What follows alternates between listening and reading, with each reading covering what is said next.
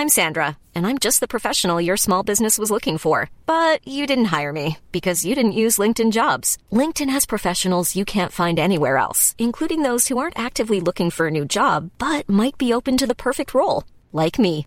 In a given month, over 70% of LinkedIn users don't visit other leading job sites. So if you're not looking on LinkedIn, you'll miss out on great candidates like Sandra. Start hiring professionals like a professional. Post your free job on linkedin.com/people today.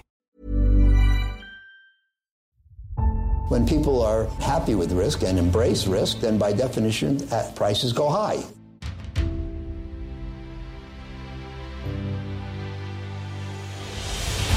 When the cycle turns down, they generally sell at prices that are far too low. This is not about getting more information. We live in a world where we have too much data.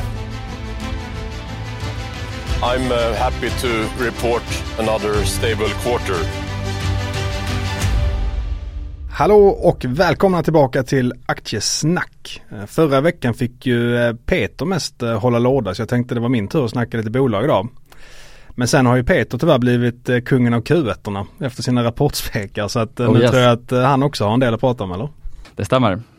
Men vi ska börja med att prata lite om vår sponsor Avanza, eller hur? Det stämmer. Och det vi tänkte nämna idag, förutom att vi tycker om Avanza väldigt mycket som bolag och handelsplattform, är ju att de har nyligen lanserat någonting som heter nyhetslarm. Och då kan man aktivera, eh, gå in på alla sina bolag till exempel i sin portfölj och så kan man då aktivera att man vill ha de här nyhetslarmen då. Och då får man helt enkelt pushnotiser när PM släpps. Och det har jag gjort på hela min portfölj. Och det underlättar såklart väldigt mycket när man ska följa med i sina bolag då. Exakt och jag har bevakningslista på Avanza sen innan men det har blivit att jag öppnar upp appen hela tiden och kollar vilka nyheter som kommer på bolagen jag kollar på. Men nu alltså kan du få pushnotis då så att du inte hela tiden behöver gå in utan direkt i realtid så får du en nyhet om att grejerna händer och kanske agera då ifall det är någonting som du vill agera på.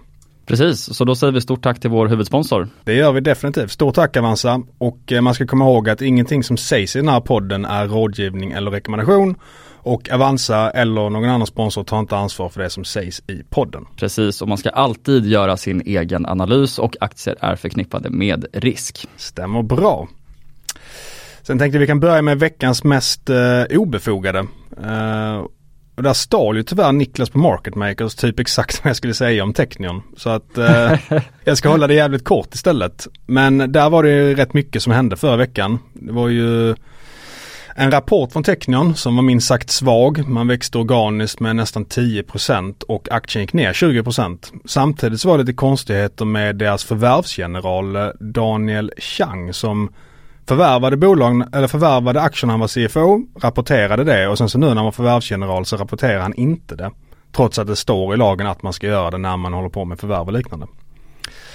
Och sen så kom han ut med ett PM att han hade köpt 100 000 aktier av vdn som lite svar på det här till en 7% rabatt.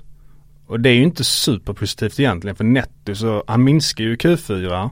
Nu var det liksom ingen förändring eftersom vd sålde 100 000 aktier. Och så köpte han med 7% rabatt. Och på det gick aktien upp 20%. Så det här har verkligen blivit någon sorts eh, kapad aktie kan man säga. Där det liksom drivs av han Chris Mayer som har skrivit 100 baggers.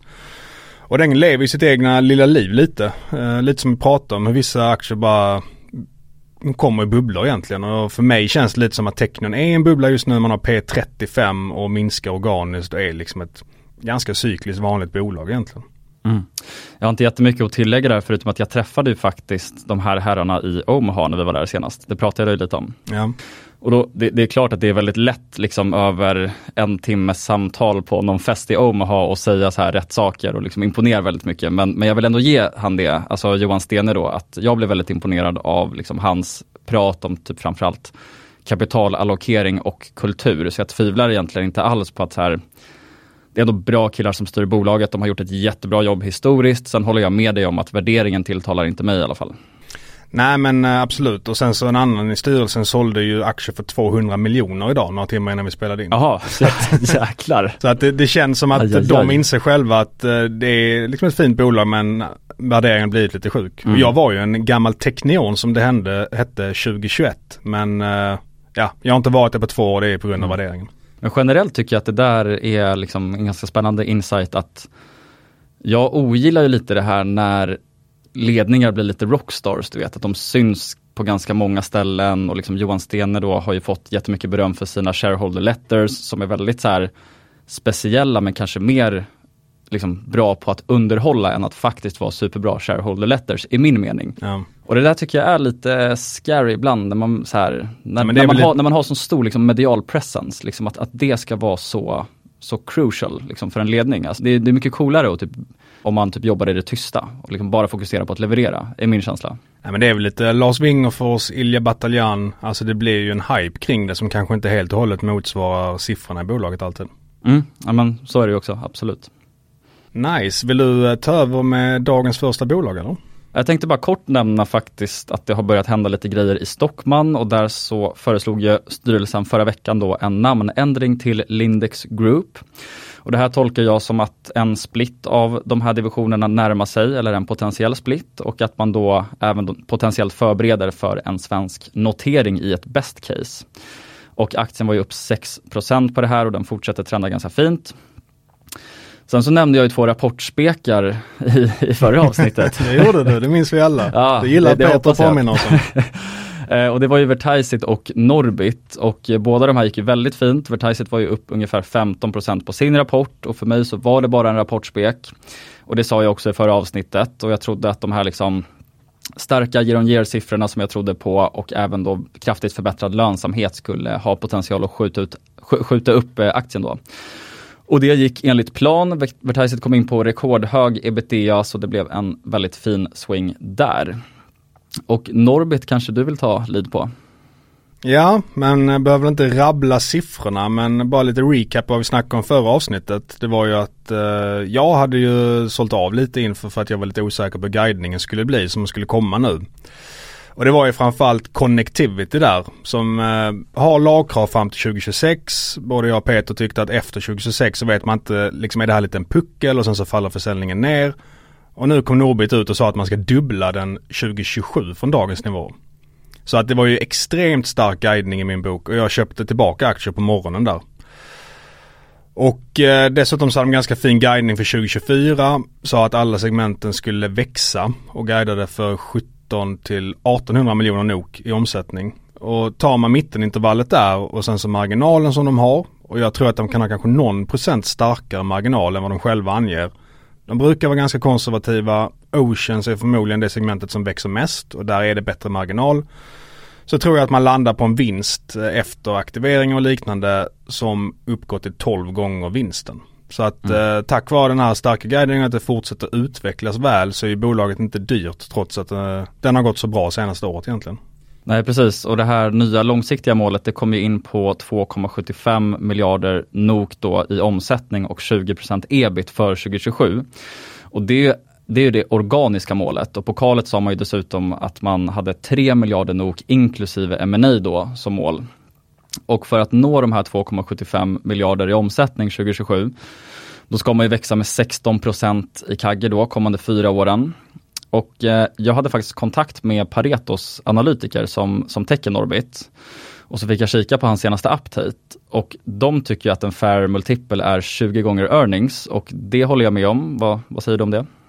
Ja men vad är det, konkurrenter i snitt ligger på ungefär eh, 19 till 20. Sen så är Norbit lite mindre men ja 17-18 känns väl ganska fair ändå. Mm, och Norbit växer också snabbare. Ja, de har bättre historik. Exakt så. Så jag, jag tycker väl ändå att 20x earnings känns ganska rimligt. Jag, jag skulle Ja. till och med kunna se Norbit handlas till 25 gånger earnings om jag ska vara helt ärlig. Eh, men 20 känns rimligt, men sen tyckte jag att de estimerade topline väldigt konservativt, för de hade ju 2,4 miljarder i omsättning 2027 och då är som sagt guidance 3 miljarder inklusive M&A. Och då har ju Norbit alltid guidat lågt historiskt och de slog ju det långsiktiga förra målet då, ett år för tidigt ungefär. Och trots det här då, av vad jag anser vara ett ganska konservativt scenario, så får ju Pareto fram 100 NOK som riktkurs och en uppsida på 45 procent ungefär. Och jag tror faktiskt att det är mycket mer sannolikt om man ska eh, höja blicken och titta på lite längre sikt, att man slår även det här målet. Och att man kanske till och med kommer in på 3,2 eller 3,3 miljarder i omsättning och sen så hade de väl ett ebit-mål på 20 procent. och ebit-marginalen idag är ju redan 19 procent. Så den tycker jag också känns så här, bara egentligen på den datapunkten, för vi har ju sett också att marginalen, den har ju gått starkt och utvecklats, tror jag, senaste fem åren från 9 till 19% Och det är i takt med att Connectivity och Oceans har blivit mycket större av totalen.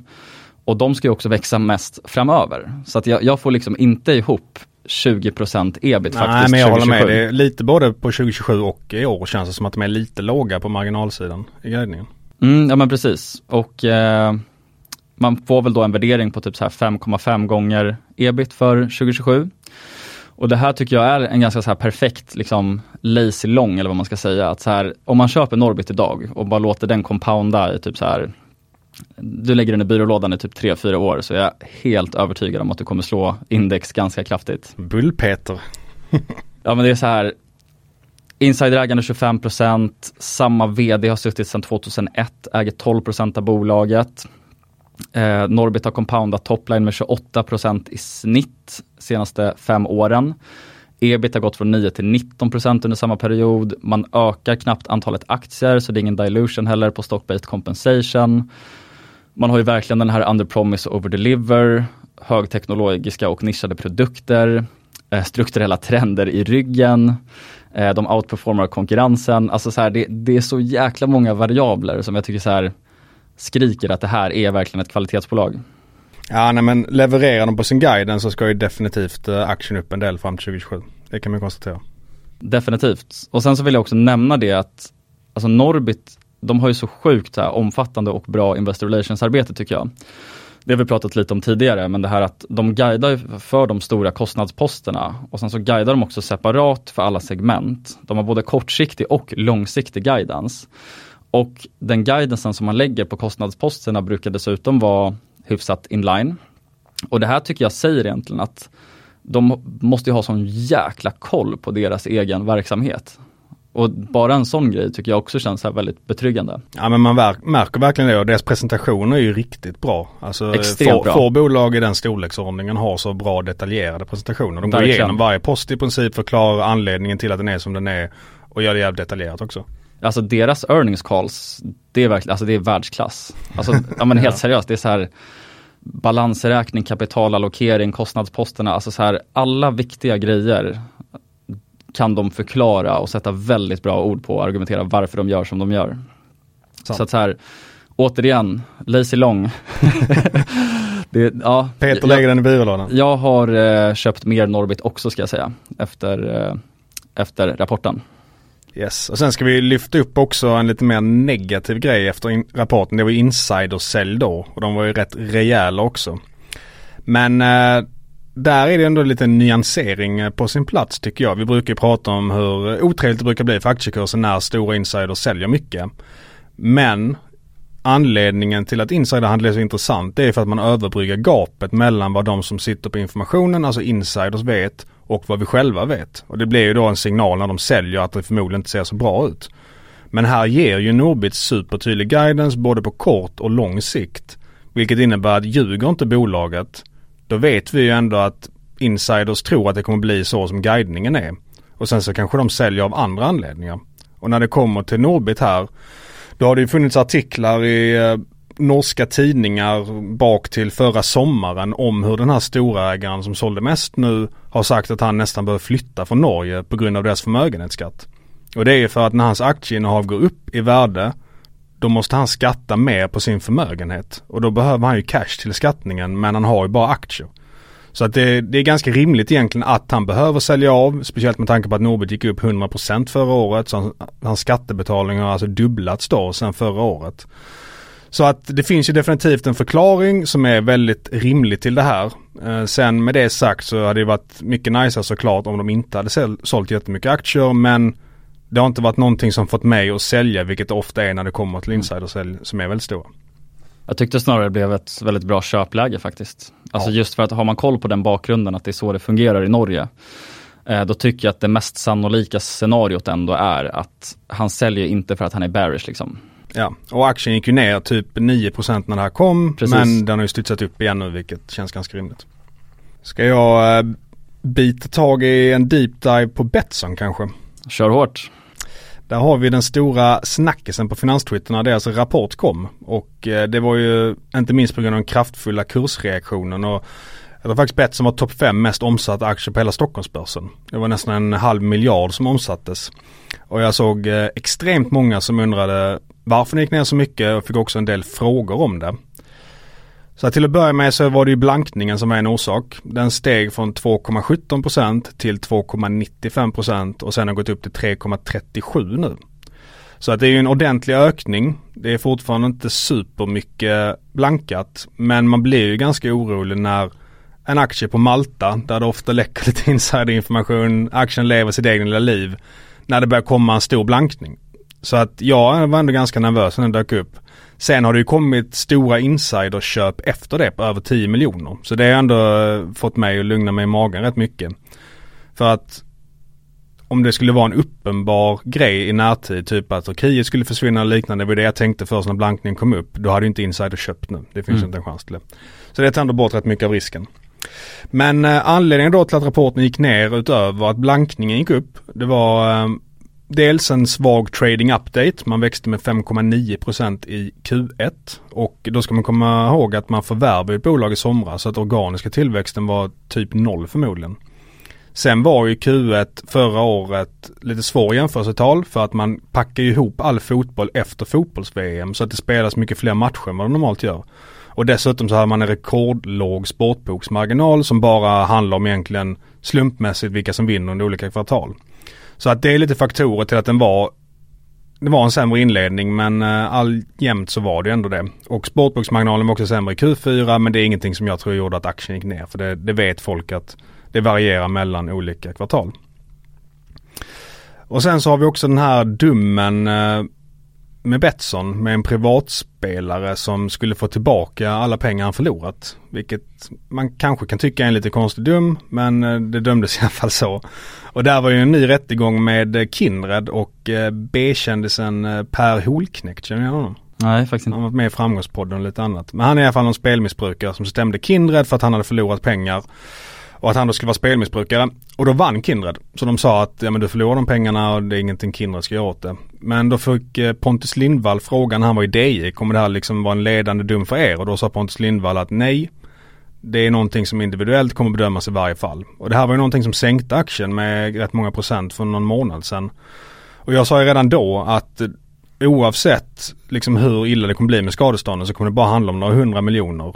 Och det är bara någon procent av Betssons market cap. Så att aktien skulle gå ner 5, 10, 15 procent det känns ganska orimligt.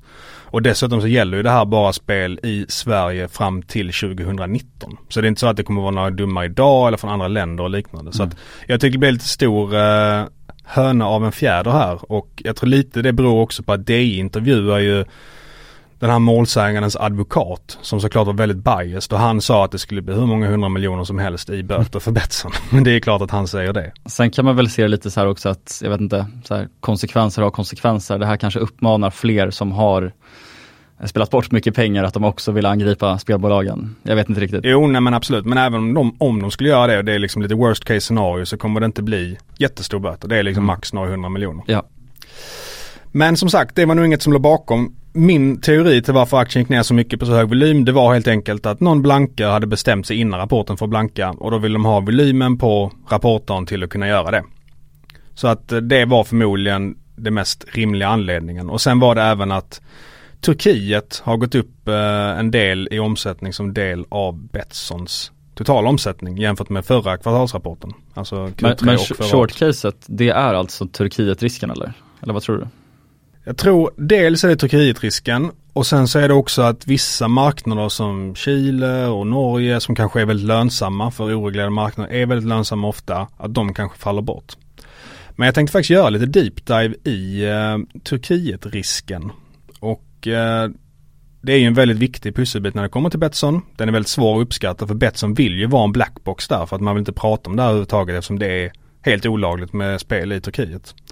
Så att man var ju verksamma på den marknaden. Sen 2010 så sålde man sin kundstock till ett bolag som heter Realm Entertainment. Och har då använt dem och så har man licensierat ut sin plattform under 14 år nu. Till Realm som sen har då fått delar av intäkterna från Turkiet enligt Betssons gamla kvartalsrapporter där man fortfarande nämnde det här. Sen har jag gått in på de hemsidorna man hänvisar till och alla de står på turkiska. Så man kan nog med gott samvete tro att det är turkiska spelare där och det är liksom designerat för Turkiet och det är förmodligen i princip bara intäkter från Turkiet också. Men i gamla kvartalsrapporter så skrev Betsson ut då hur mycket som kom från Turkiet och då gjorde man det genom att man sa hur mycket som kom från de här Realm då. Och det gjorde man fram till Q3 2020. Men efter det så döpte man om intäkten till licensintäkter. Så man kan fortfarande följa hur mycket som kommer från Turkiet ungefär.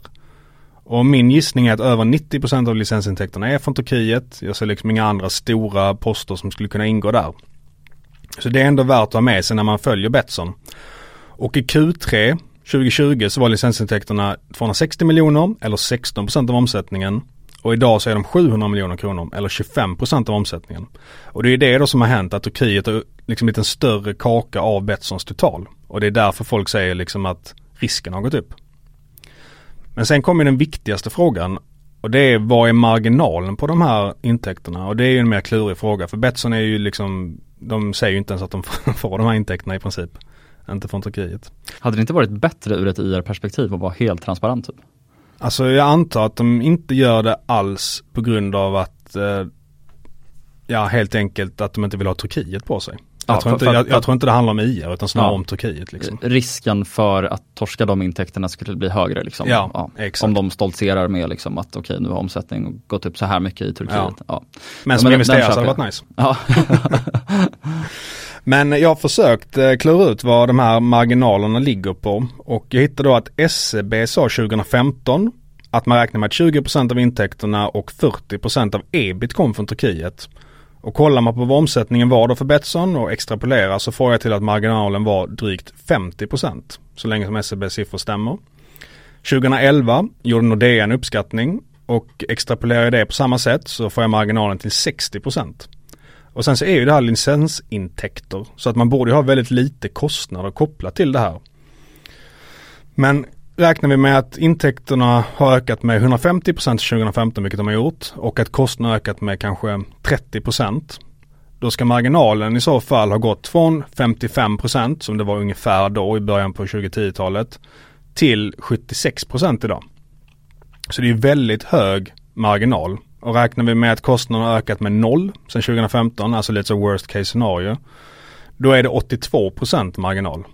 Och man kan ju också såklart anta att det kanske ligger kvar på 55% men jag tycker ändå att det borde skala och min tro är att det ligger någonstans mellan 70 och 75% i marginalen för Turkiet. Men kollar man på mycket det av totalet då, totalen, så var licensintäkterna i H2 i snitt 60 miljoner euro per kvartal. Och jag antar då att 95% av dem kommer från Turkiet.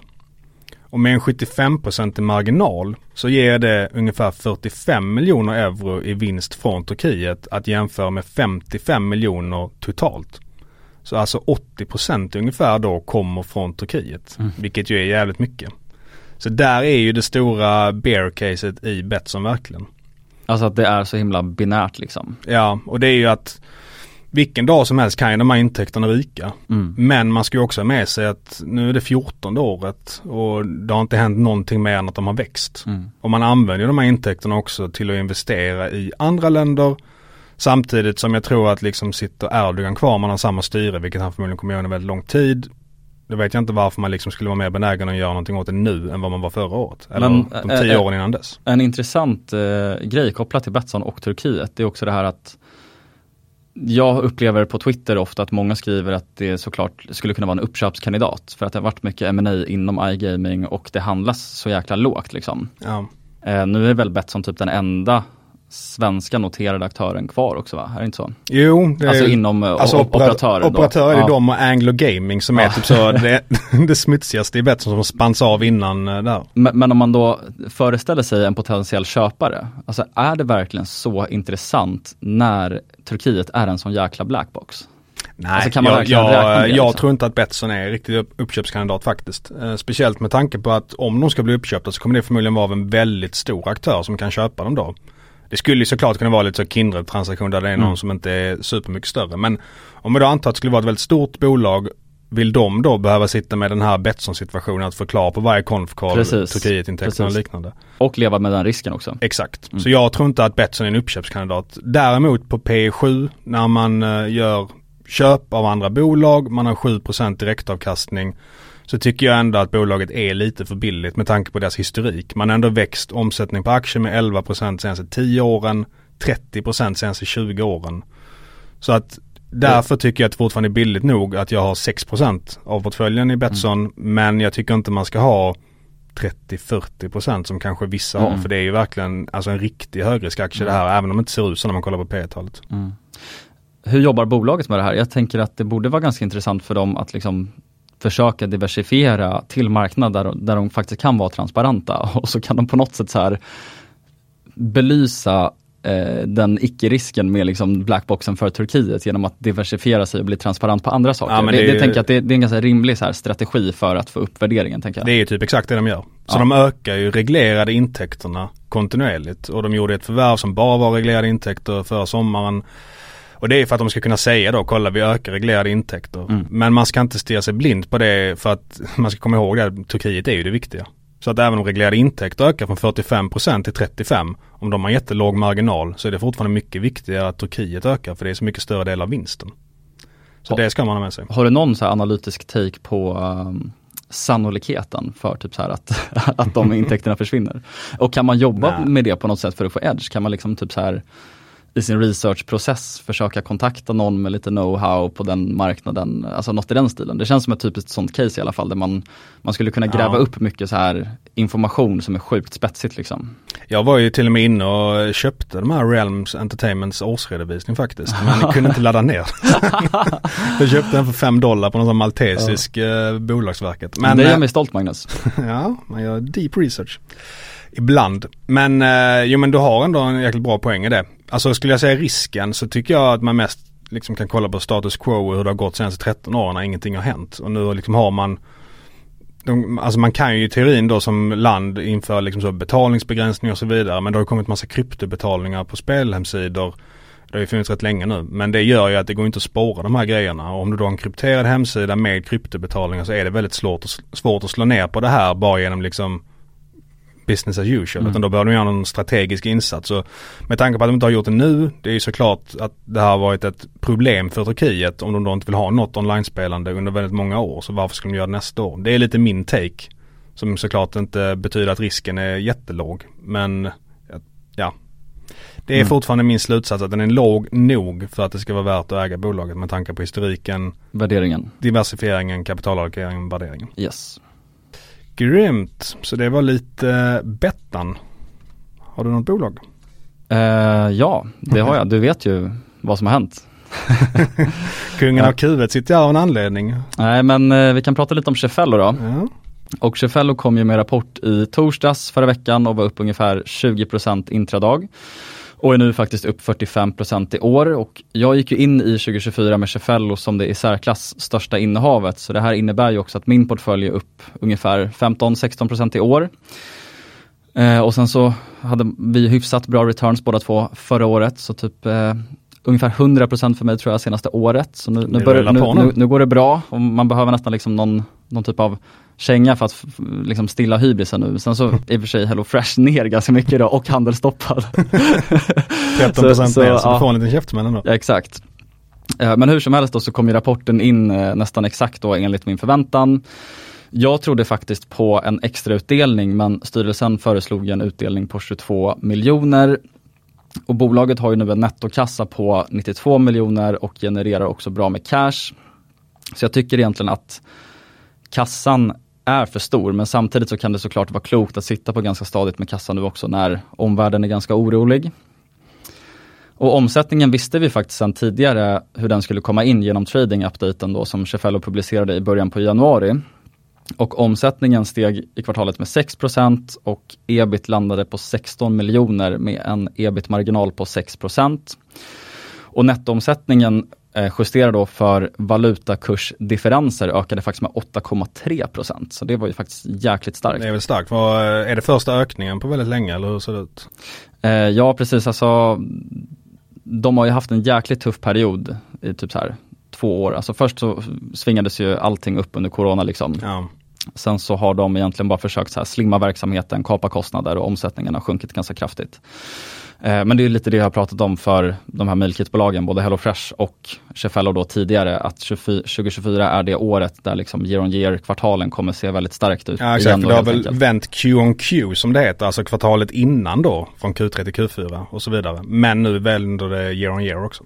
Ja, that's right, that's right. Eh, och inför rapporten så tog jag faktiskt min största position någonsin här. eh, förutom det jag investerat i Quarter då. Så för den noterade portföljen så var det här min största position ever och jag hade faktiskt 42 procent av väskan i Cefello inför rapporten. Och det här går ju också lite i linje med det som jag pratade om i vårt årssummeringsavsnitt då, att en av mina målsättningar för året, det är ju också att våga ta större positioner i det som jag tror mest på. För när jag har kollat lite bakåtblickande så på mina affärer så har faktiskt de aktierna som jag har trott mest på oftast också gått bäst. Och sen så tycker jag väl att jag börjar bli mer och mer mogen liksom ur en så här analytisk standpoint för det också. Eh, men varför tog jag så stor position här då? Jo, Q4 är ett väldigt starkt kvartal för Milkits och då kommunicerar ju också bolagen sin utdelning. Och båda de här variablerna såg jag som två fina triggers. Och min teori var ju att marknaden skulle bli lite chockad av en då väldigt framåtlutad utdelning och att utdelningsjägarna då plötsligt skulle se typ så här 10-15% i direktavkastning. Sen så tycker jag väl att Cefello liksom är ganska missförstått och sen så de som jag har snackat med har typ inte riktigt brytt sig heller om caset.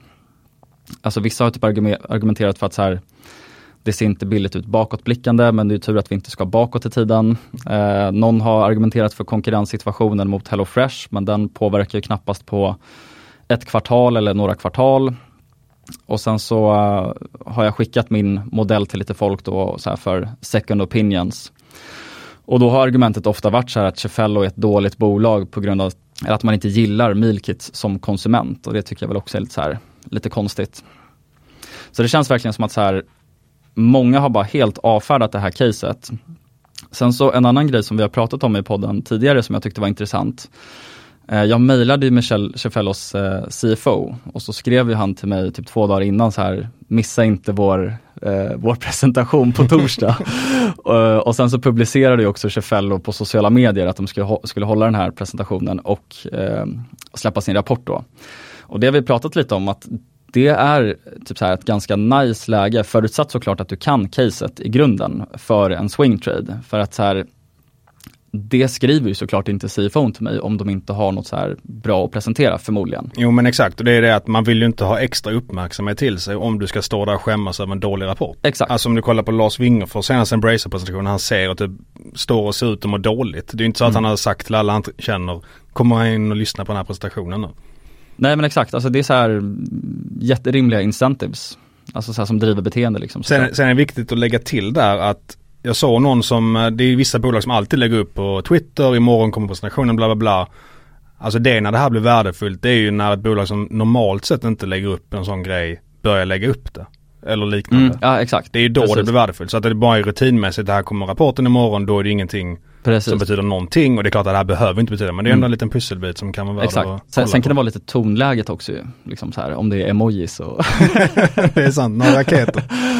uh, En annan intressant grej kopplat till Cefello som jag ville diskutera lite med dig, det är också så här den här liksom psykologiska grejen. Alltså, det är jättemycket psykologi såklart i investeringar men det här var ju första gången som jag alltså, kände en sån jävla påfrestning liksom, inför rapporten. Att, så här, jag sov dåligt och jag vaknade och drömde om rapportreaktionen. Jag, jag drömde så konstiga saker, typ att contribution margin kom in på 35% och rapporter, eller aktien var upp typ 40% och så här. Så jag var liksom så lite off balance liksom. Eh, Nej, men, jag... men, men, du kör ju det här på heltid liksom, så ja. för dig blir det ju också i den bemärkelsen en så här väldigt stor grej såklart.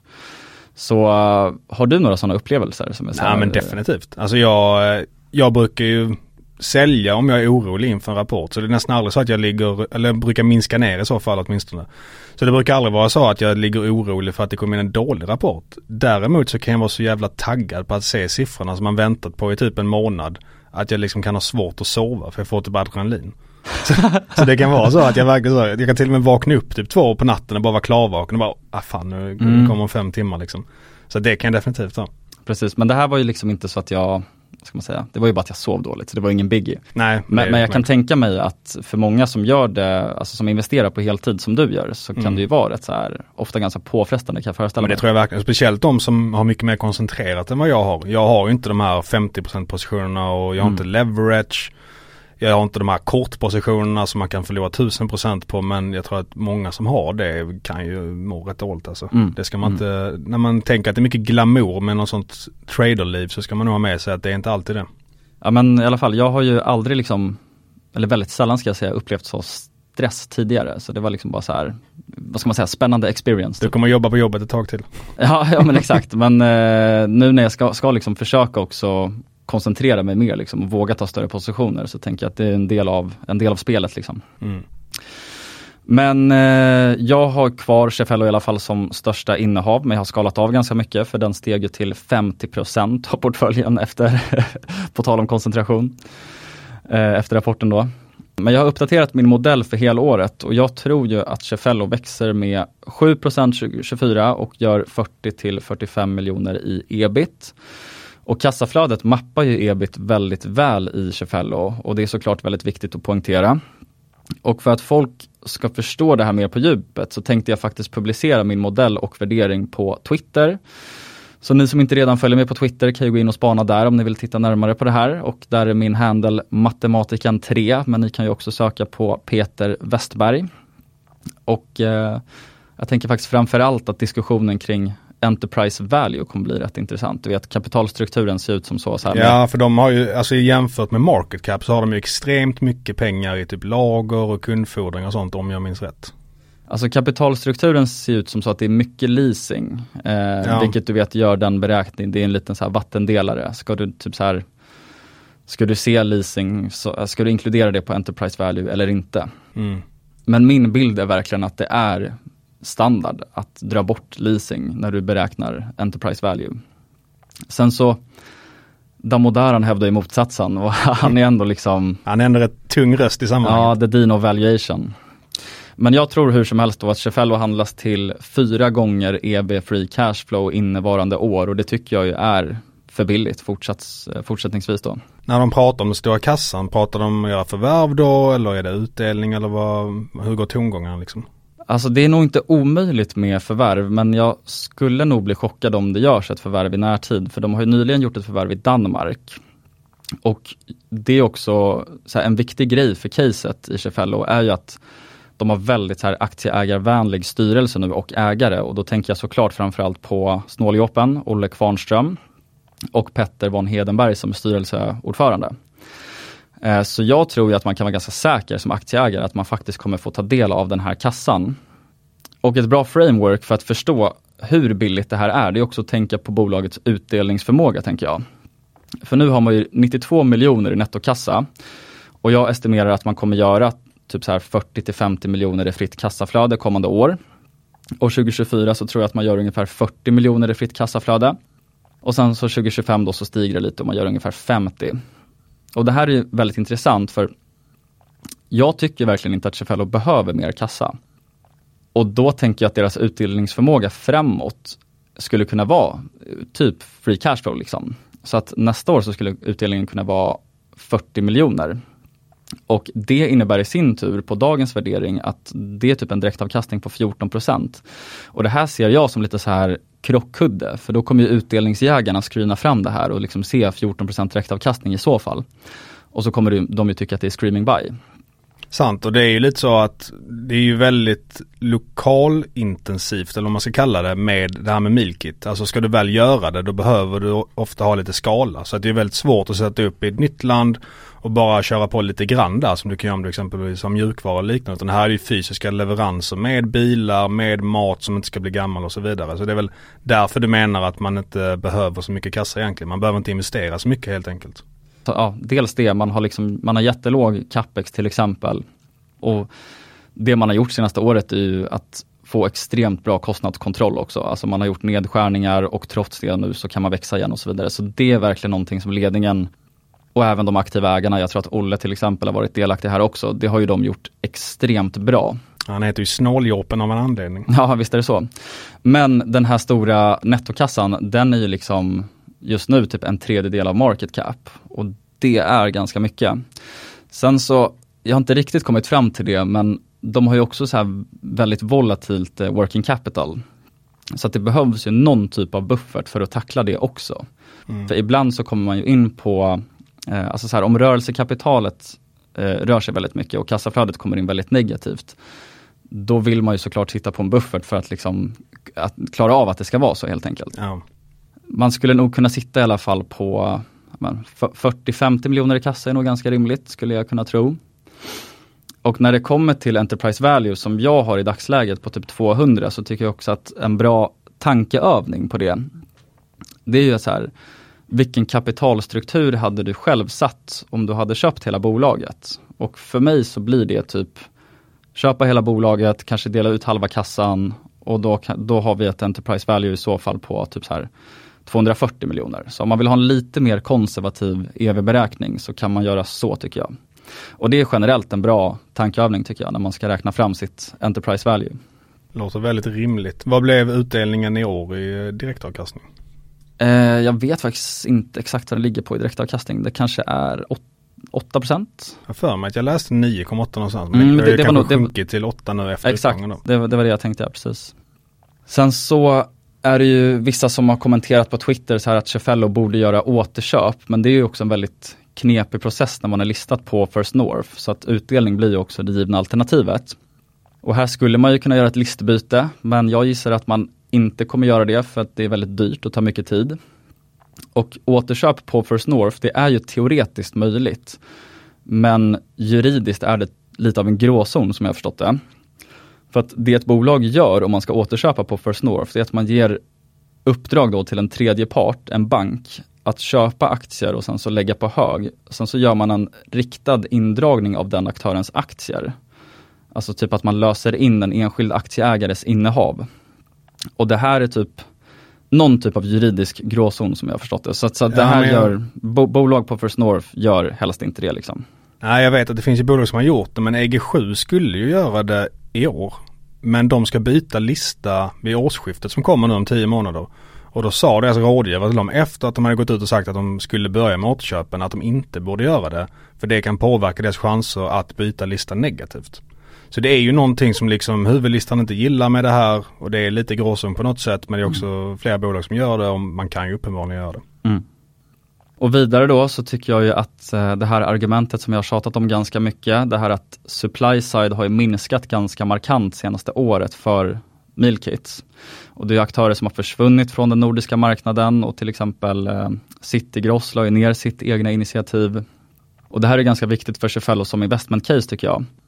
Utöver det här så har ju HelloFresh också sina egna bekymmer och satsar jättemycket på deras nya ready to eat segment i USA.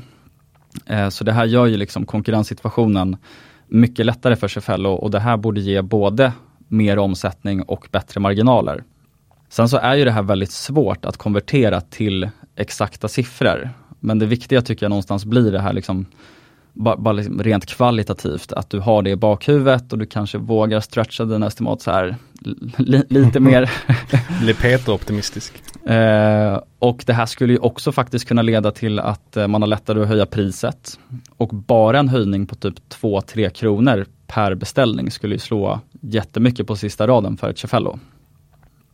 Och sen så tycker jag också en intressant insight från rapporten, det är att trots den här jättefina omställningen och den här fina utvecklingen så eh, kommunicerar ju ledningen att man just nu inte är nöjd med hur Norge och Sverige presterar. Och det är de två absolut största marknaderna.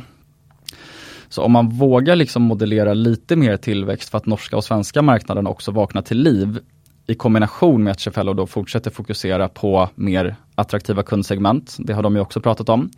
Och det betyder egentligen att man fokuserar mer på average order value istället för antal kunder.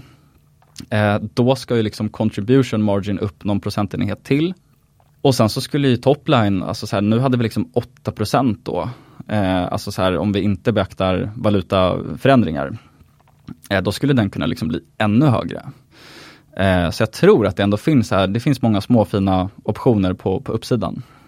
Och det, det är också rätt intressant just kopplat till contribution margin att eh, i trading-updaten så gick de ju ut med att omsättningen var upp 6% Men antalet aktiva kunder var ju ner. Så rent matematiskt betyder ju det att average order value var upp. Hänger du med på det resonemanget? Mm, absolut. Ja. Är, det, är det inflation eller är det att de har liksom squeezat ut mer pris? Eh, alltså det är egentligen att värdet per order är ju större, men antal kunder mindre, förstår du? Ja absolut. Ja, och, och räknar du på unit economics så, så är det ju också det som driver contribution margin. Mm. Och det var också en sån take som gjorde mig lite extra bullish, för det är ju flera som har skrivit så här, men det, det är dåligt att, att kunderna eh, var mindre. Men jag tänkte vad fan, men det betyder ju typ bara rent matematiskt att contribution margin kommer vara upp. Vilket slår jättemycket på sista raden för Cefello. Det är faktiskt intressant när man liksom modellerar på Cefello, så här, varenda liten jävla så decimal på, alltså eftersom att det är så lövtunna marginaler, gör liksom sån otrolig skillnad. Men har liksom bruttomarginalen ökat eller är det bara liksom att kostnaden för att köpa in maten och sen sälja den har ökat båda två så att det liksom bara är inflationen eller? Jag har faktiskt inte stenkoll på det, men eh, alltså contribution margin är ju typ bruttomarginal kan man säga då. Mm. För meal kits. Och det är ju input goods och liksom fulfillment eller logistik då som, som är de kostnadsposterna som ingår innan du kommer ner till contribution margin. Och exakt hur de, hur de liksom två har utvecklats har jag faktiskt inte koll på. Mm. Och en viktig grej för investeringstesen, för mig i alla fall framåt, är att alla kvartalsrapporter ett år fram borde vara ganska fina katalysatorer för att year on year-siffrorna kommer ju se väldigt starka ut. Så jag tror liksom att så här, det är en ganska, jag, jag tror i alla fall att min tes, jag har fair value på 40 nu. Och jag, jag tror att det Och vad står aktien i nu? aktien står i 24 nu. Ja. Och som sagt, så här, det, det kanske inte är askul att sitta och bara dra alla siffror här i podden, men jag kommer dra ut det på Twitter i alla fall som sagt. Och jag tror väl att efter Q2 som normalt är ett så här superkvartal för Milkits så tror jag att, alltså jag skulle bli förvånad om vi är under 30 kronor efter Q2 faktiskt. Men när vi pratar Cefello så måste vi också prata lite om, eh, vem då Magnus? Jag misstänker snåljåpen men man vet Eh, aldrig. Jag, jag tänkte faktiskt bara berätta lite om hans transaktion, för jag är så fascinerad av den. Och jag tycker liksom att alla också borde få höra om storheten i den transaktionen. För Olle Jag hör köpte om ju, Ulles storhet, det har man ju fått göra en del sistone. ja, men han köpte ju 7% av Cefello när kursen stod i 7,5 kronor. Och då hade vi ett börsvärde på 95 miljoner och en nettokassa på 56 miljoner. Så det var ju nästan en net-net som Olle köpte här. Alltså Enterprise Value var 40 miljoner och Cefello delar nu också ut 22 miljoner. Och då tycker jag också att det är en ganska blygsam utdelning. Och sen så tror jag att de genererar 40 miljoner i cash också 2024. Och det här är ju liksom så sexigt på grund av så här flera saker. Men Olle gjorde ju också sin största investering någonsin. Alltså det hade inte varit lika häftigt om någon som var god för 300 miljoner hade slängt in 7 miljoner i Cefello liksom. Eh, sen köpte han ju också ett block utanför marknaden av en avgående styrelseledamot som skulle gå i pension och likvidera sin fond. Så han var ju helt opriskänslig. Gert Munte heter den. Eh, eh, styr- Lå- styr- Låter gammal. Ja, ingen toppentransaktion av Gert kanske. Och sen så har ju också Olle, som jag har förstått i alla fall, varit aktiv som ägare. Så han har ju dels gjort en liksom supertransaktion och sen så har han ju själv klivit in och varit delaktig i den här omställningen. Och han är ju upp på det här på ett år ungefär 250 procent och har typ gjort 15-20 miljoner bara på den här transaktionen. Det är ändå rätt bra med 250% på ett år för den största investeringen någonsin. Ja, alltså det, det är så jävla snyggt där. Och sen så en annan grej, det är att Olle gjorde typ samma sak i Envirologic.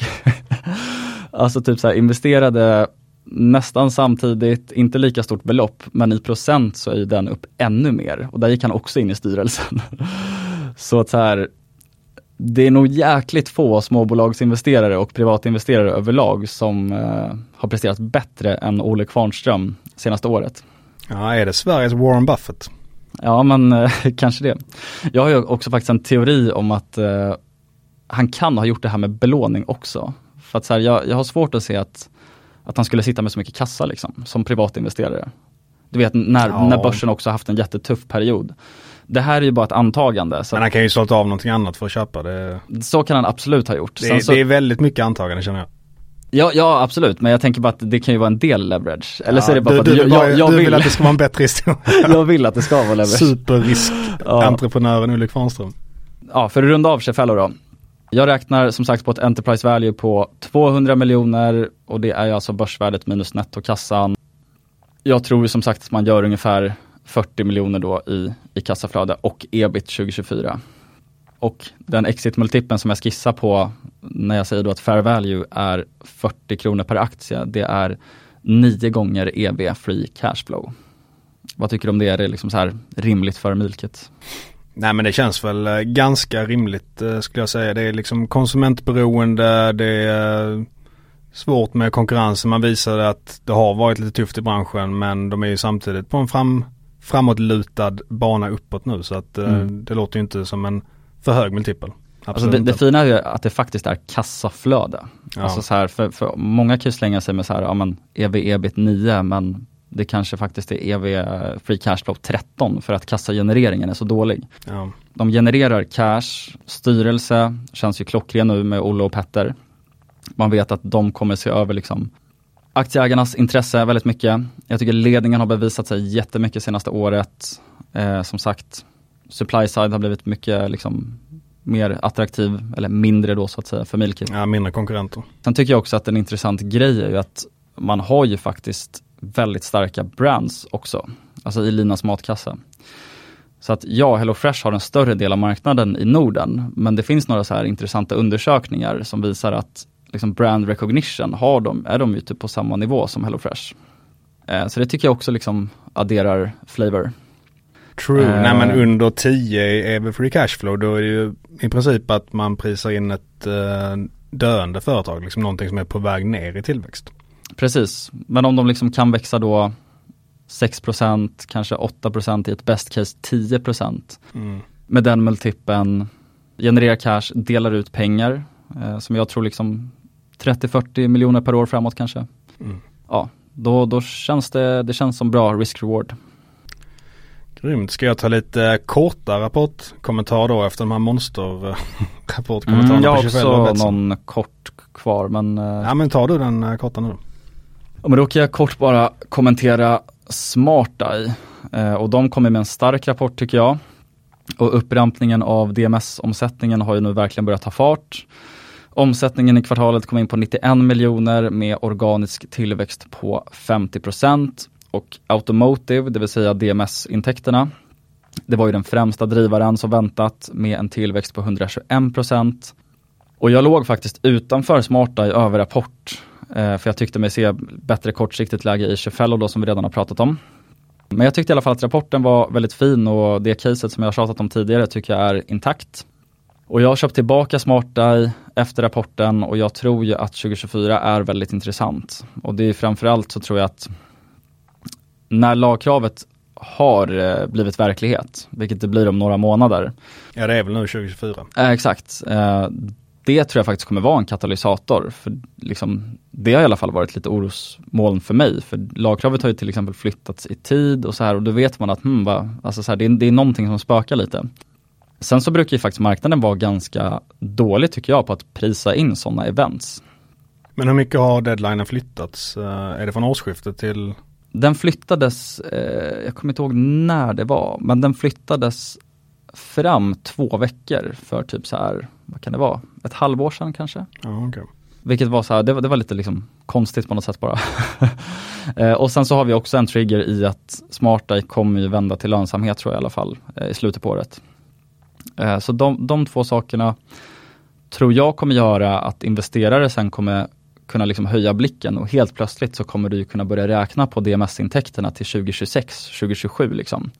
Och då ser det billigt ut. Så att så här, min teori är liksom att mycket av det här caset kommer ju materialiseras liksom 2024 eller 2025 då. Ja men gå till lönsamhet är ju en game changer för många som inte rör olönsamma bolag. Så Verkligen. det blir liksom en helt ny investerarskara som kan gå in i bolaget. Mm. Exakt. Så ja, som sagt, jag har köpt tillbaka SmartEye. Eh, sen, sen, vill jag också tillägga att jag tror ju egentligen att det är ganska oklokt att swingtrada i SmartEye. För det kan ju komma nya design wins egentligen när som helst och det låter lite paradoxalt nu när jag precis själv sa att jag hade gjort det. Men jag tror faktiskt att det är ganska oklokt att göra det. Så att det bästa är nog att, alltså tror man på det här caset så är det nog bäst helt enkelt att bara ligga långt tror jag. och låta det spela ut sig. Ja för den kan ju svänga väldigt mycket action. Verkligen. Med sig. Grymt. Ska jag ta lite näckar då kanske? Yes. Där hade vi en eh, rapport som uh, var ganska stark i absoluta tal vilket var helt väntat för man hade ju guidat för mycket de skulle sälja för ungefär. Men den var lite svagare än vad jag tyckte ändå. Och det var mycket beroende på det här segmentet fisk som håller på med fiskar. som de köpte förra kvartalsrapporten. Eller presenterade förra kvartalsrapporten. Och det var ju lite av en turnaround och man sa inte hur mycket vinst den här delen fisk gjorde. Och då blev man alltid så, förmodligen gör de inte jättemycket vinst. Och sen så nu när Q4 kom så visade det sig att de gjorde minus 19 miljoner i Q4. Och det är ju lite för att det har kommit en straffskatt på lax och det är ju den stora fiskindustrin i Norge, består ju av lax. Så det har gjort att det här bolaget blev en turnaround så, som sagt. Men jag trodde ändå att det skulle vara lite mindre förlust, kanske ett nollresultat eller liknande. Men eh, man sa att det berodde delvis på omstruktureringskostnader. Men man vill inte specificera exakt hur mycket det var, vilket jag tyckte var lite B också. Och sen så sa man också att det är säsongseffekt, så det är ändå bra så att man förväntar sig att det blir starkare under året. Q4, Q1 är lite svagare säsongsmässigt. Och man tror att man kommer vända till vinst under 2024. Men sammantaget ändå lite besviken på det. Jag trodde att man liksom skulle ha lite mer handfasta grejer och gå på lite mer liksom skriven guidning. Jag var med på konfkollet att de ja, snackar lite om det och så vidare. Mm. Och det var en större förlust än vad jag trodde. Och sen så eh, när det kommer till working capital som vi snackat om lite, då binder Necka extra mycket working capital just nu som ska levereras ut till kunder närmaste kvartalen och då kommer man få väldigt bra kassaflöde. Så det gör ju att nettokassan som idag är ungefär 20% av market cap kommer öka under året ganska mycket. Så det är ändå en positiv pusselbit för caset. Och det kommer de göra återköp för, dela ut? De gör återköp. De fick också fråga, kommer ni fortsätta med det? De sa att vi kommer fortsätta med det till nästa general meeting, vilket mm. då är ganska långt bort. Så att eh, det var en positiv pusselbit också. Sen när det kommer till orderboken så uh, har man ju redovisning där för Syncrolift och där har man förskjutit lite av den planerade leveransen till 2026 tolkar jag det som. Inte jättemycket men lite ändå. Innan grupperar man åren lite annorlunda så jag tror att det blir lite mer 2026. Men eh, så det är ju inte jättebra. Och sen så ska man dock ha med sig att precis vid nyårsskiftet så bottnade ju Noken mot USD. Och det var ganska stor skillnad från Q3-slutet. Det var 5% ner på valutakursen. Mm. Och det gör ju att orderboken som är i dollar går ju då från 860 miljoner till kanske 800 miljoner. Så man ska ha med sig det när man kollar på det. Man tyckte att orderboken minskade mer än vad den borde så är ju det en valutaeffekt. Mm. Och de här 5 procenten har gått upp igen sen årsskiftet. Så att till nästa kvartalsrapport så kommer det förmodligen se lite bättre ut i orderboken igen. så om man kollar jag... för mycket där och inte mm. riktigt var med på det så ska man nog gå bort sig lite. Det där kan bli en potentiell grej på uppsidan tror jag i Chefellos trading update som de kommer med, mm. alltså givet att valutan har vänt liksom. Ja. Eh, för det är ju samma sak där då på den valutadiffen med, med Noken. Ja men exakt, det är inte bara Necka det här gäller. Så att mm. Noken och Seken har ju rört sig ganska i tandem. Och det är USD som liksom blev jättemycket svag, äh, star, svagare vid nyårsskiftet sen så nu har blivit stark igen. Mm. Så att det, det är Men, men Nok och Sek har rört sig i tandem sen Ja men ungefär. Okay. Tror jag. De har rört sig ganska mm. lika i alla fall. Ja, det är ingenting som spelar jättestor för caset i 25 Nej, det är väldigt sånt. Ja. Men eh, sen så avsluta med en grej som är lite intressant som man inte kunde läsa i rapporten och det är att eh, det är den här Darwin-ordern som det har snackats om väldigt länge med Neckar. Det är ju ett chiplift shiplift i Australien som då ska beställa ett system som då Neckar levererar och historiskt så har man haft över 50% win ratio i de här typen av orderna och den här ordern är en jätteorder som förmodligen kommer på över 200 miljoner NOK. Och där gick Darwin ut nu i för några dagar sedan, tror jag det var, och sa att det här projektet är till 95% färdigställt och man kommer att meddela om liksom 100% klart under Q1 vilket innebär att orden då kommer komma under Q1 om det håller. Så det är en potentiell trigger för Neckar där jag bedömer att de har ganska stora chanser att eh, ro hem det. Men eh, jag sålde lite på rapportdagen och det var ju mitt största innehav inför rapporten. Aktien gick upp på en rapport som jag tyckte var lite svagare än vad jag trodde. Så då plockade jag hem lite men det är fortfarande ett eh, substantiellt innehav i portföljen. Snyggt. Ska vi prata lite mer Milkits då? Ja men det tycker jag. Mm, jag sa ju tidigare att eh, när vi började spela in här så såg jag att HelloFresh var handelsstoppad. Eh, men en liten update i alla fall på HelloFresh då. Ja. Eh, det var ju ganska länge sedan som vi snackade om HelloFresh och det är också folk skrivit på Twitter att de vill ha en update. Och de kom ju med vinstvarning 15 november 2023 och sedan dess har ju aktien blivit extremt nedtryckt.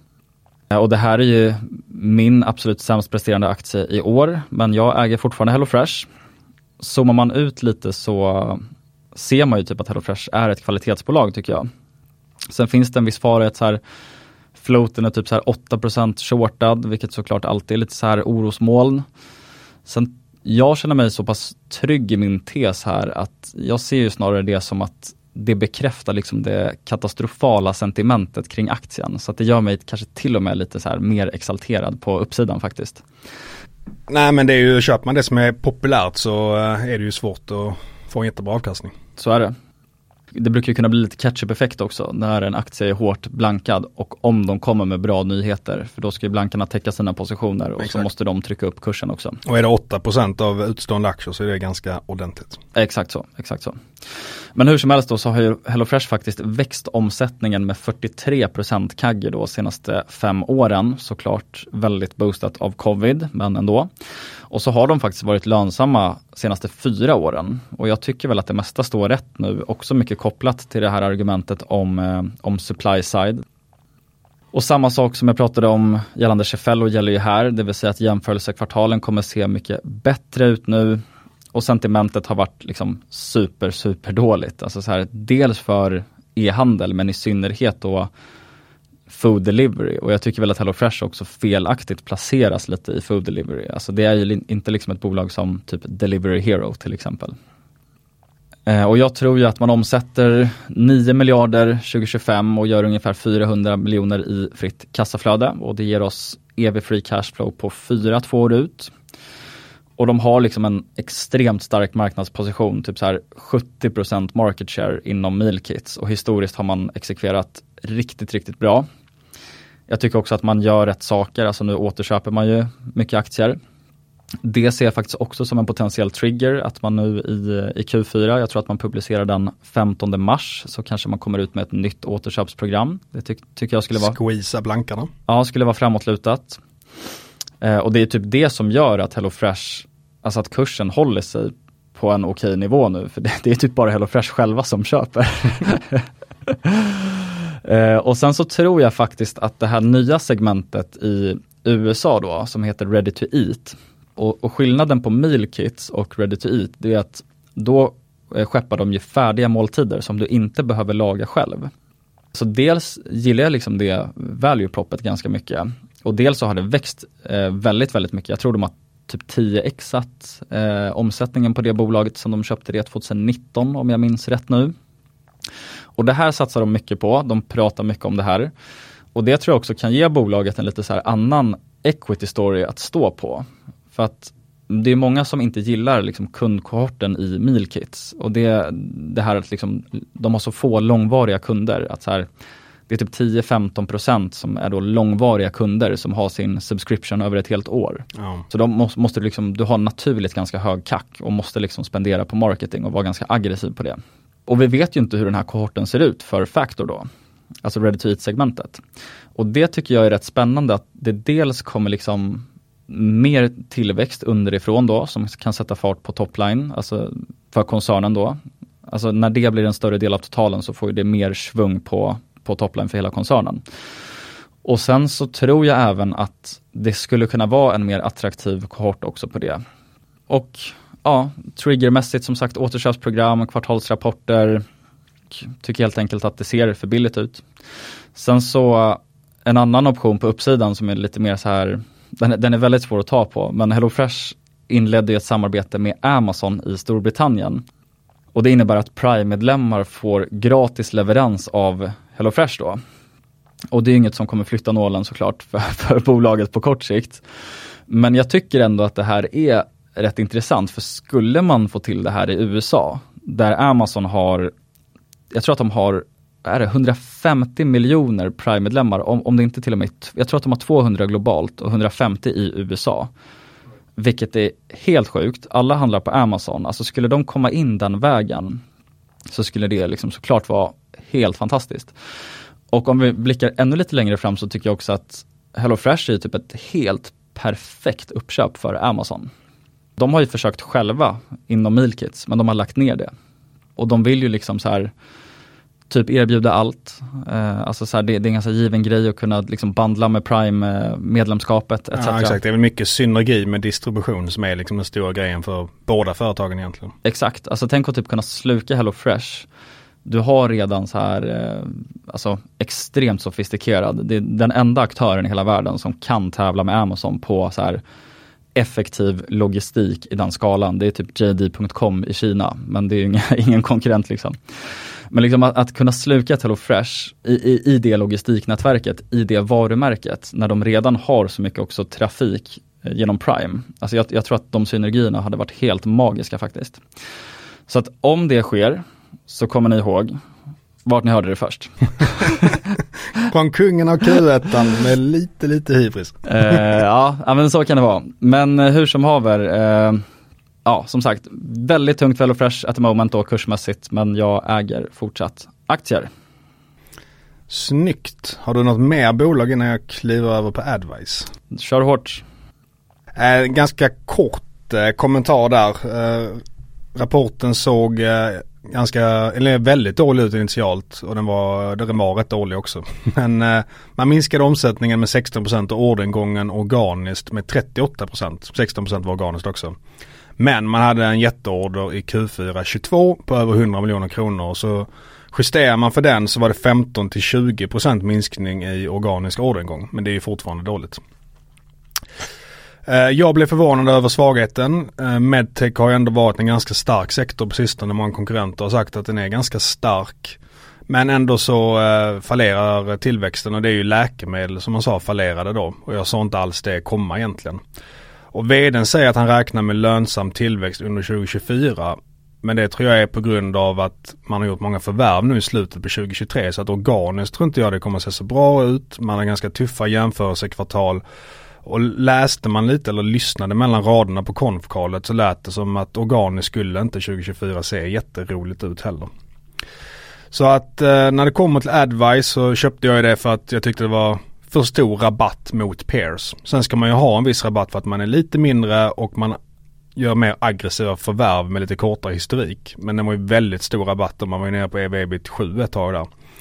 Nu dock när man har stigit rätt mycket sedan dess och eh, man då hade en svag rapport och ganska svag guidning på 2024 så har jag sålt alla aktier. Och det är möjligt att jag kommer återvända senare i år men jag tror att eh, det kommer nog se ganska tufft ut för aktien i början på 2024 i alla fall. Mm. Går väl lite i linje med hur du brukar handla också. Ja. Så att säga om det liksom blir då, dåligt sentiment, dålig reaktion så brukar du kliva av liksom. Better safe than sorry liksom. exakt. Jag kan ta en liten kortis på uh, Sensus Gatsu också.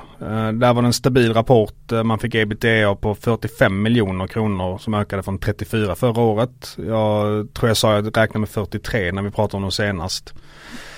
Sen så ska man med sig att Q4 alltid är starkaste kvartalet så att de kommer inte göra 45 miljoner kommande kvartal i ebitda.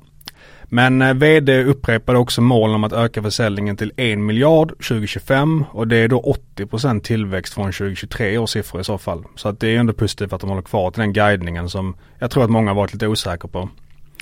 Men i den mer negativa vågskålen så säger man att den här svenska jätteordern som man tagit att den ska rullas ut under 2024. Och det är förskjutning och man sa inte när under 2024 det skulle ske. Så att det gör nog att kommande kvartal inte blir fullt så starka som jag trodde de skulle bli. Uh, och sen så har man också sagt att den här Ghana-ordern som jag pratat lite om kommer börja rullas ut under året så det är ändå lite positivt. Men svenska ordern är viktigare där och det är negativt att den inte kommer rullas ut nu. Sen hade man minus 14 miljoner i finansnetto och en omräkningsdifferens på 18 miljoner som jag inte förstod och det stod inte i rapporten var den kom ifrån. Så jag har frågat eh, management där och väntar på svar helt enkelt från dem, var de kommer ifrån. Så jag, jag misstänker att många undrade över det så jag lyfter det ändå även om jag inte hade något bra svar. Men Nettoresultatet blir ju dåligt då, men det är ebitda man ska kolla på. Det här var ju några konstiga slag. Eh, reaktionen på rapporten har också varit eh, ungefär plus minus noll och eh, Man ska ha med sig det att Sensus svänger mycket mellan kvartal men jag äger fortsatt aktien och jag tror att den här tillväxtstoryn med Holland och Trafikverket kommer pågå under 2024. Kanske lite långsammare i början på året men sen accelerera. Hade du något mer bolag eller? Nej. Gott, men då går jag på det sista för det här monsteravsnittet. Då har vi faktiskt ett litet case att avsluta med. Mhm. Den såg du inte komma Peter. att jag lägger den det här avsnittet. Men eh, det är Nilörngruppen eh, som jag faktiskt har suttit och väntat på i drygt ett år för att gå in i. Och eh, anledningen till det är, det är att man säljer etiketter till produkter som kläder och liknande. Och där har det varit en enorm lageruppbyggnad under de här efteråren med covid när det var svårt att leverera. Alla vill ju sitta på stort lager då och nu håller man på att beta ner de lagerna som väldigt många bolag har snackat om. Bland annat Björn Borg i sin senaste rapport. Så att eh, kollar man på värderingen historiskt så har den varit i snitt 10 för EVB de senaste 10 åren. Och sen så då under covid så gick det jättedåligt 2020. Sen 2021 och 2022 så gjorde man 120 och 136 miljoner i rörelsevinst och nu har man market cap på 700 miljoner. Så att det blir jätteöverlönsamhet där och nu så har det blivit underlönsamhet när de här lagarna ska mm. avvecklas. Men då har ju kursen fallit ner väldigt mycket. Så att om bara Nilörn går tillbaka till sin historiska marginal som de haft i snitt senaste tio åren. De är liksom en väldigt stabil spelare.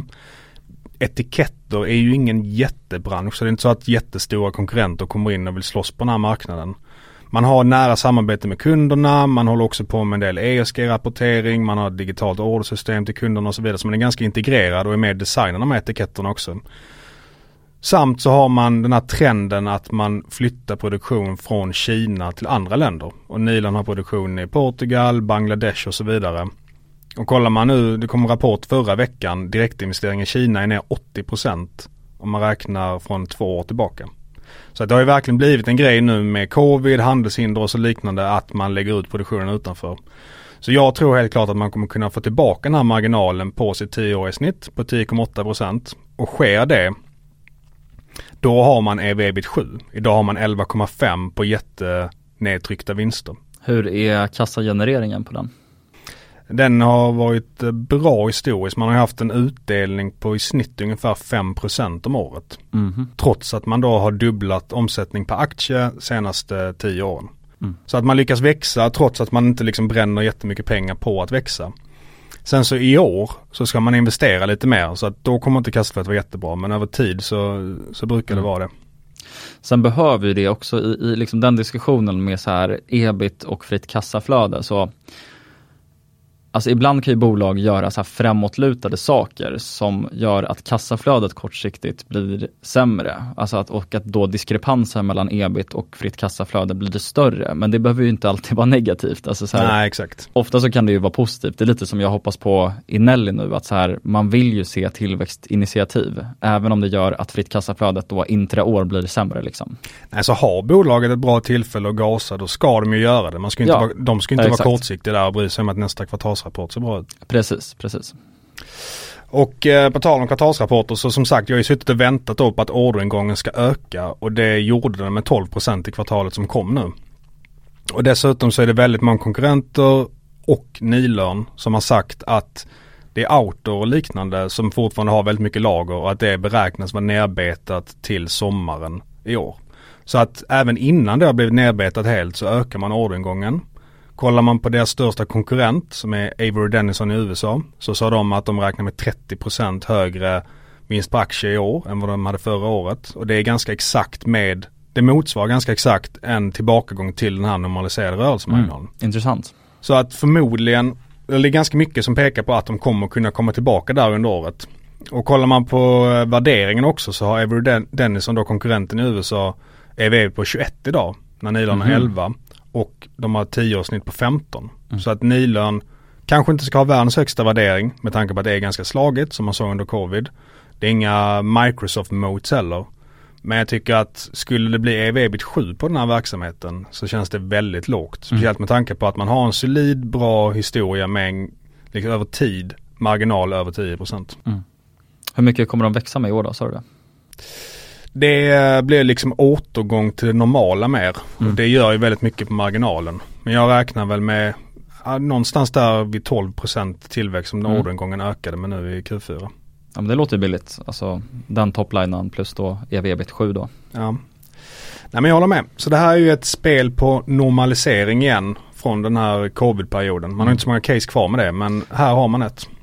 Ja alltså det, det har varit många sådana case. Alltså det, det är rätt intressant i ett så här eh, investerings och bredare liksom marknadsperspektiv att det är så det ser ut ofta liksom att när det blir en sån extrem period och sen så allt liksom går upp och sen går det ner så sjukt mycket och sen så typ misstolkas saker för att lager typ skrivs ner och det slår jättemycket på ebit och det är alltså så här, det är bara Och på toppvinsterna betalar man jättehög multipel Ja. och sen så när det sjunker då vill ingen äga dem. Exakt. Multiplarna är låga. Ja, det där är så jäkla fascinerande och, och så här ur ett kapitalallokeringsperspektiv för ledningar så är det där också så här det är så sjukt intressant att kolla på. Jag kollade lite på Desenio faktiskt. För jag, jag, nu när jag fick lite hybris så tänkte jag nu ska jag hitta fler typ så här helt utbombade retailers eh, som Cefello typ. Ja.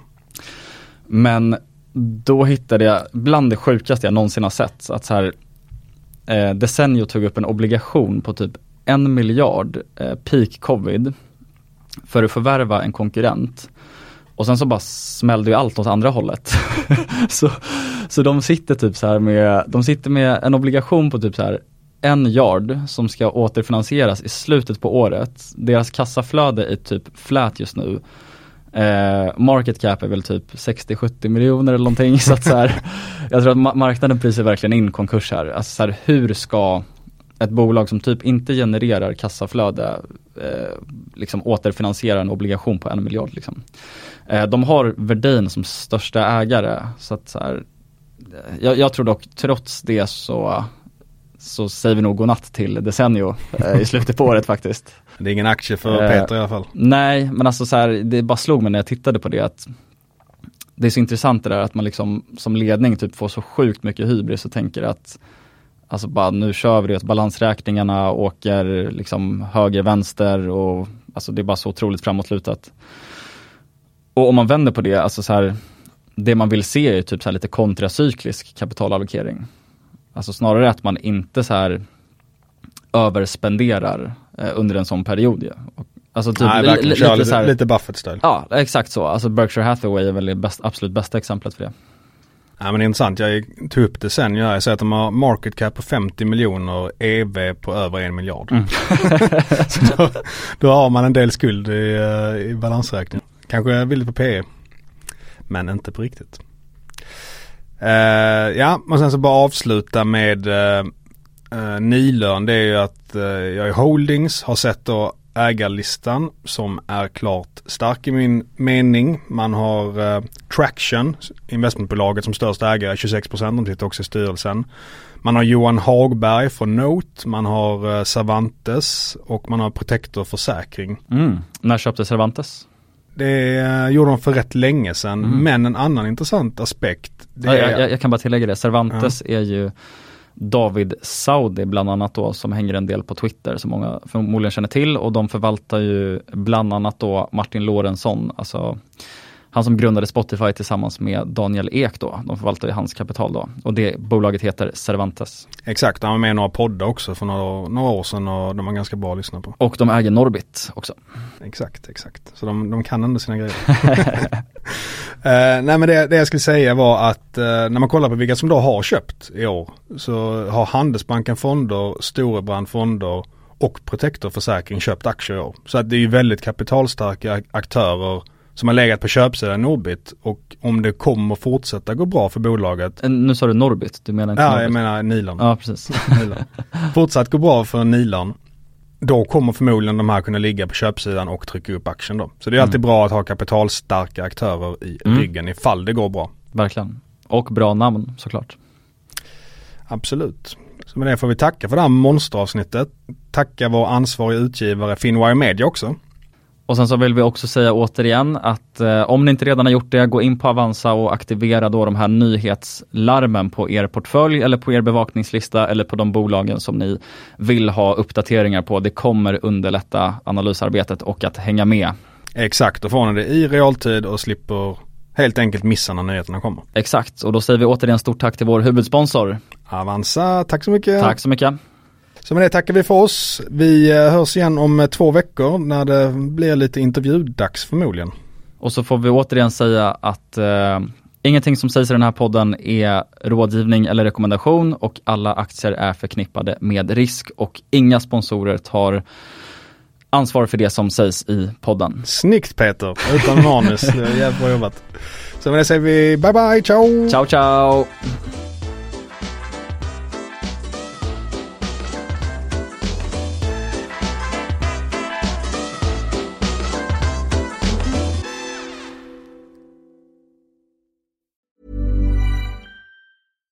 When you make decisions for your company, you look for the no-brainers. And if you have a lot of mailing to do, stamps.com is the ultimate no-brainer. It streamlines your processes to make your business more efficient, which makes you less busy. Mail checks, invoices, legal documents, and everything you need to keep your business running with stamps.com. Seamlessly connect with every major marketplace and shopping cart. Schedule package pickups and see your cheapest and fastest shipping options from different carriers with rates up to 89% off USPS and UPS rates. And with the stamps.com mobile app, you can take care of mailing and shipping wherever you are. Make the same no-brainer decision as over 1 million other businesses with stamps.com. Sign up with code program for a 4-week trial plus free postage and a free digital scale. No long-term commitments or contracts. That's stamps.com. Code program.